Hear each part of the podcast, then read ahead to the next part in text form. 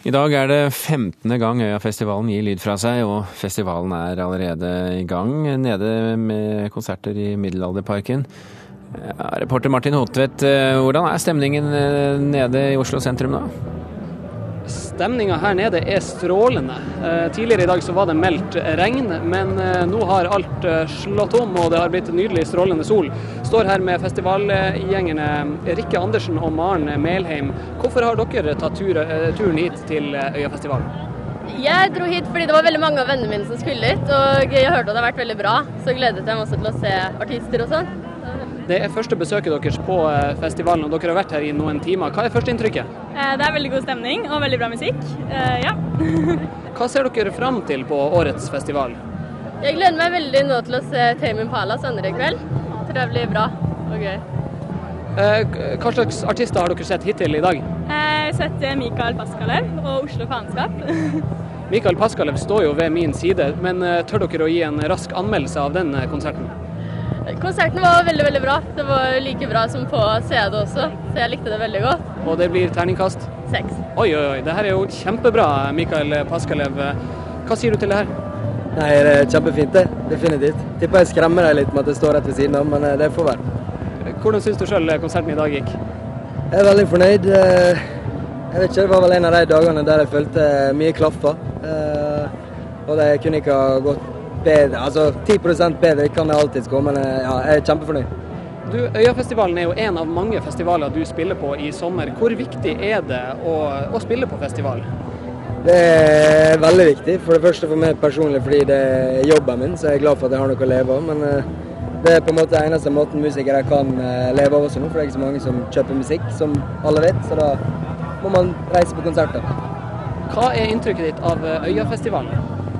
Det er veldig bra. Eh, er sikkert fjerde gangen jeg har vært der på fem Jeg har spilt der på fem år. Jeg har sikkert vært der fem-seks siste årene, tror jeg. Og eh, har det kjempekjekt hver gang.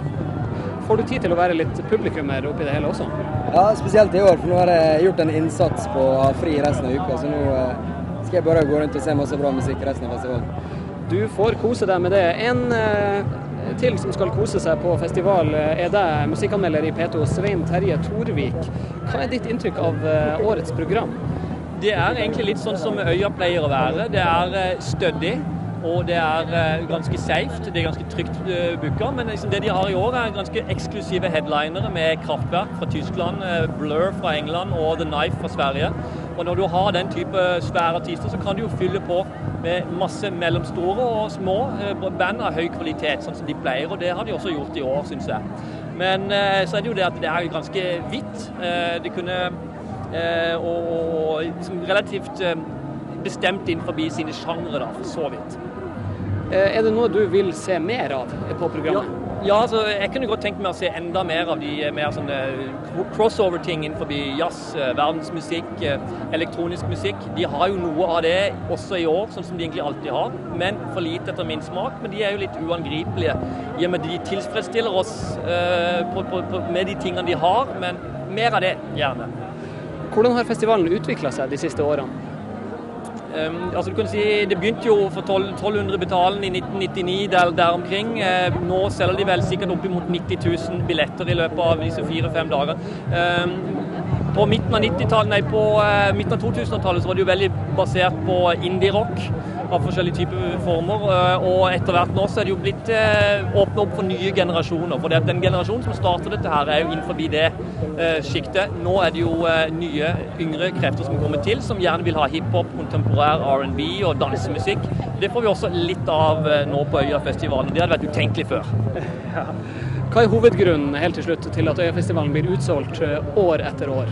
Det er jo denne her store folkefesten som foregår midt i Oslo sentrum i august.